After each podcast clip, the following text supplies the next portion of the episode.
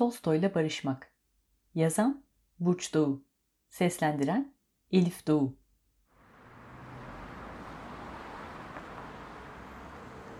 Çetin Bey aylardır uyumamıştı. Fakat bilindik türden bir uykusuzluk değildi bu. Gözlerini yummakta zorlanıyordu. Hatta bir keresinde sırf meraktan öğlen güneşine bakmışsa da oynatamamıştı göz kapaklarını. Berbat bir acıydı doğrusu. Buharlaşan vampirlerin hissedeceği türden. Ama Çetin Bey pes etmedi. Baktı ve baktı. Ta ki buna değmeyeceğini anlayana kadar. Sonunda bastonunu yere vurarak bitirdi münakaşayı. Kiminle inatlaşıyordu, güneşle mi? Hem kızgın bile değildi aslında. Sadece acıkmıştı. Biraz sonra yakınlardaki pideciye girip karnını doyurdu. Üzerine tatlı yedi. Sokağa tekrar çıktığında güneşe bir daha çevirdi bakışlarını ama bu kez daha kısa ve gülümseyerek. Şu yaştan sonra dünyayla inatlaşmak yalnızca lüzumsuz değil, komikti de.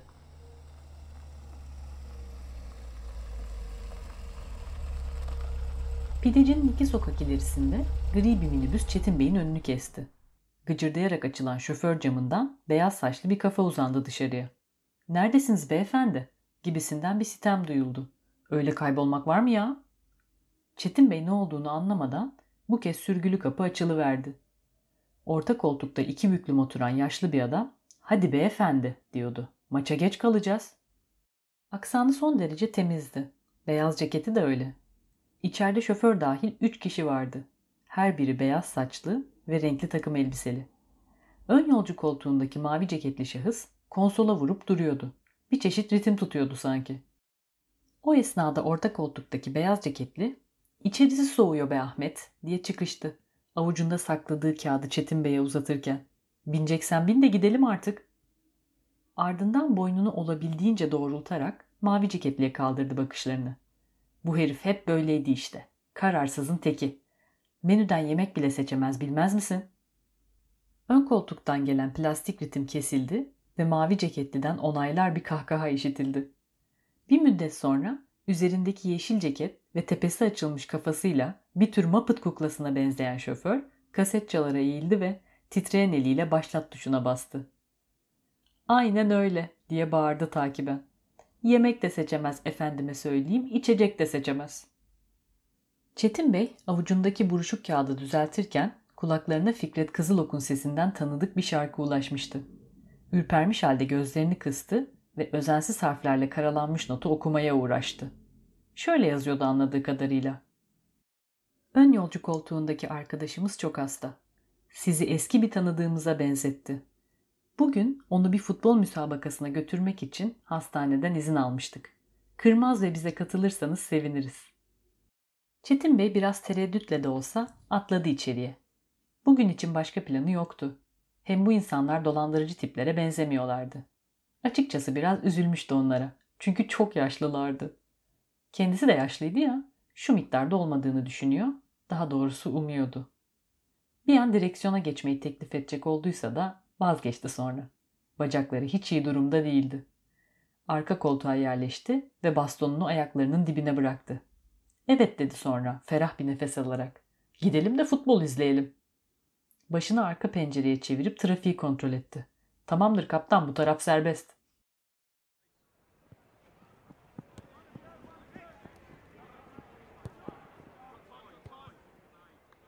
Stadyuma vardıklarında vakit öğleden sonraydı. Bilet bulmak zor olmadı. Zaten tribünler boştu neredeyse. Çetin Bey rol yapması gerektiğinden fazla şey sormamışsa da konuşulanları dinleyerek kapmıştı çoğu şeyi. Şimdi 80'li yaşlarında olan bu üç arkadaşın tanışıklıkları lise yıllarına dayanıyordu. Mavi ceketlinin Alzheimer gibi bir hastalığı vardı. Yeşil ceketli ise söylenenlere geç tepki veriyordu. Sonuncusu yani beyaz ceketli olan biraz daha sağlıklı olduğu için grubun lideri durumundaydı. Gel gelelim onun da maçın başlama düdüğüyle beraber içinden bir amigo çıktı. Başına bağladığı kravatıyla maç bitene kadar tezahüratlar yapıp toplasan 20 kişi etmeyecek izleyici grubunu coşturmaya uğraşmış ve sürekli hakemle dalaşmıştı. Pek istediği verimi alamamıştı. Ama başladığı gibi biten maç da sıkıcıydı gerçekten. Tezahüratlara eşlik eden tek kişi yeşil ceketliydi. Ki o da sözleri bayağı geriden takip ediyordu. Her şey son derece uyumsuz ve absürttü. Bitiş düdüğünü çalan hakem soyunma odasına doğru yürürken tribünlere doğru hareket çekmişti. Öyle olunca beyaz ceketli aşağı inip dövmek istedi onu. Ama Çetin Bey araya girince vazgeçti. Bırak boş ver demişti Çetin Bey. Zaten bir daha gelemez bu stada. Ona haddini bildirdin. Sahanın boşalmasıyla beraber beyaz ceketli yerine oturarak gururlu bir marş okumaya koyuldu. O anda değin konuşmayan mavi ceketli de marşa eşlik ediyordu. Çetin Bey baktı olmayacak, elinden geldiğince mırıldanmaya çalıştı. Çünkü anlaşılan dostlar için mühim bir şeydi bu. Kısa süre sonra yeşil ceketli de marşı en başından okumaya başlamıştı.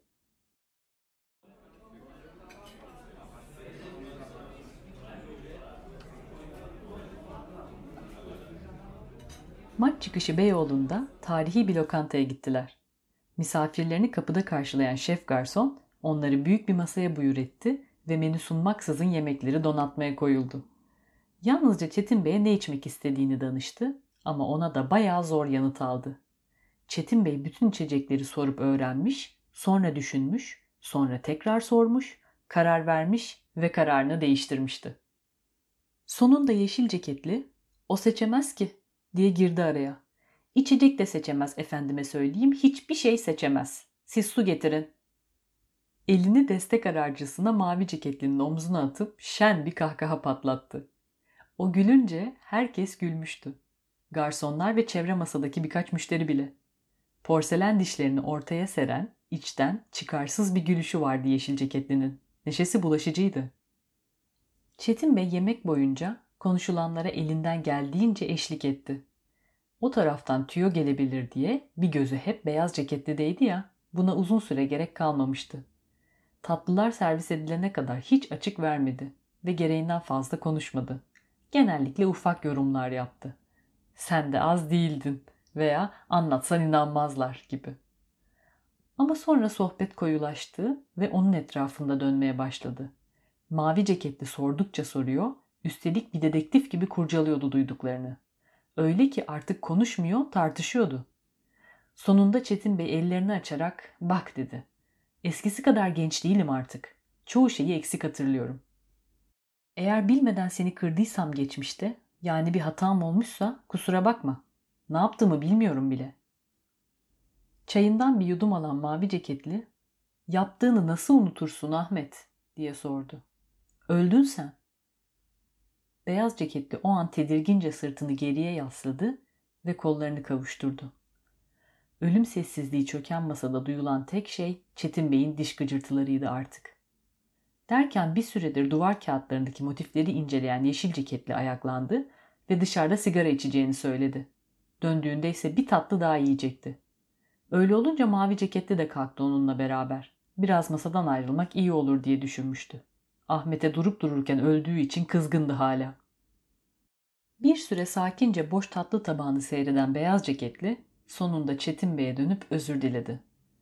Bahsetme fırsatım olmadı diye açıkladı kendini. Müsait bir zaman yakalayamadım çok pardon. Sizi benzettiğimiz arkadaşımız maalesef bir süre önce vefat etti.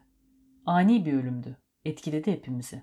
En çok da hasta olan arkadaşımıza tesir etti. Üzüldüm dedi Çetin Bey. Başınız sağ olsun.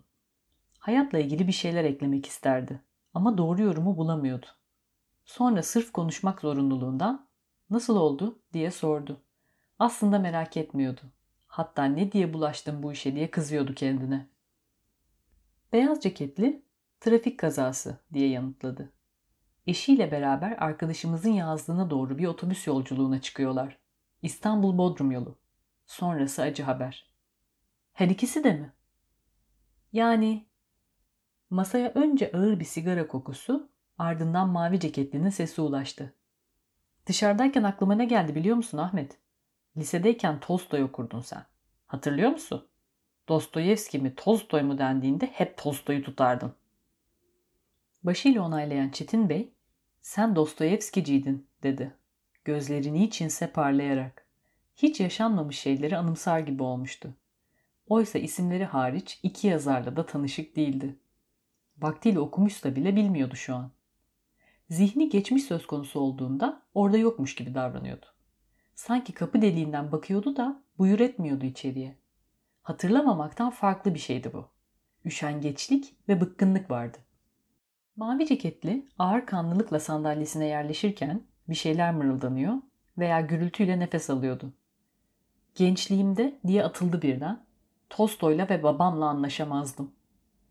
Kendi söylediğine kızmışçasına kaşlarını çattı. Ceketini çıkarıp sandalyeye astı. Daha fazla mavi ceketli denemeyecek kadar beyaz gömlekliydi şimdi. Yaşım ilerleyince Tolstoy'la barıştım. Ama babamla ölümüne değin anlaşamadım. Bana hep zamanı gelecek ve aramız daha iyi olacakmış gibi gelirdi. Fakat olmadı. Babam bencil bir insandı. Yaratılışı öyleydi. Ama artık yaşamıyor ve bunun için onu suçlayamam. Neyse şunu söylemek istiyorum. Geride kalanın bayağı düşünecek vakti oluyor. Hani nerede hatalıydım, neyi daha doğru yapabilirdim gibi. İnsan kendine böyle şeyler sormaya başlarsa sonu gelmez. Bazı şeyler istediğimiz gibi olmaz. Aslına bakarsan çoğu şey bizden bağımsızdır. Önemli olan mümkün olduğunca şu anın içinde kalmak. Şu an, şu saniye öyle önemli ki arkadaşlar. Güzel bir şekilde harcanırsa eskidikçe değerlenir. Ama çok değerlenirse de kehribar gibi hapseder insanı. Bu da bir sorun öyle değil mi? O yüzden sadece şu an önemli. Yalnızca şu saniye. Gerisini fazla düşünmemek en iyisi. Çay bardağını havaya kaldıran beyaz ceketli bitkin bir sesle şu ana diye söylendi.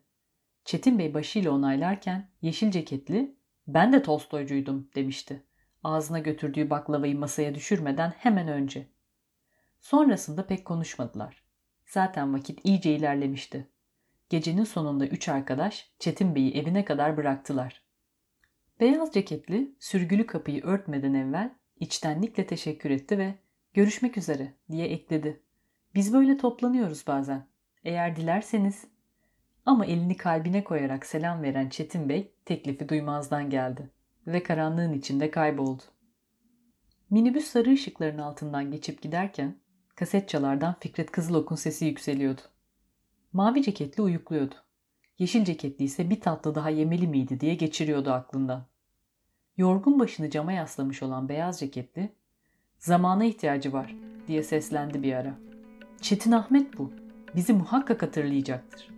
Bir sonraki sefere kazadan bahsetmemeye çalışalım.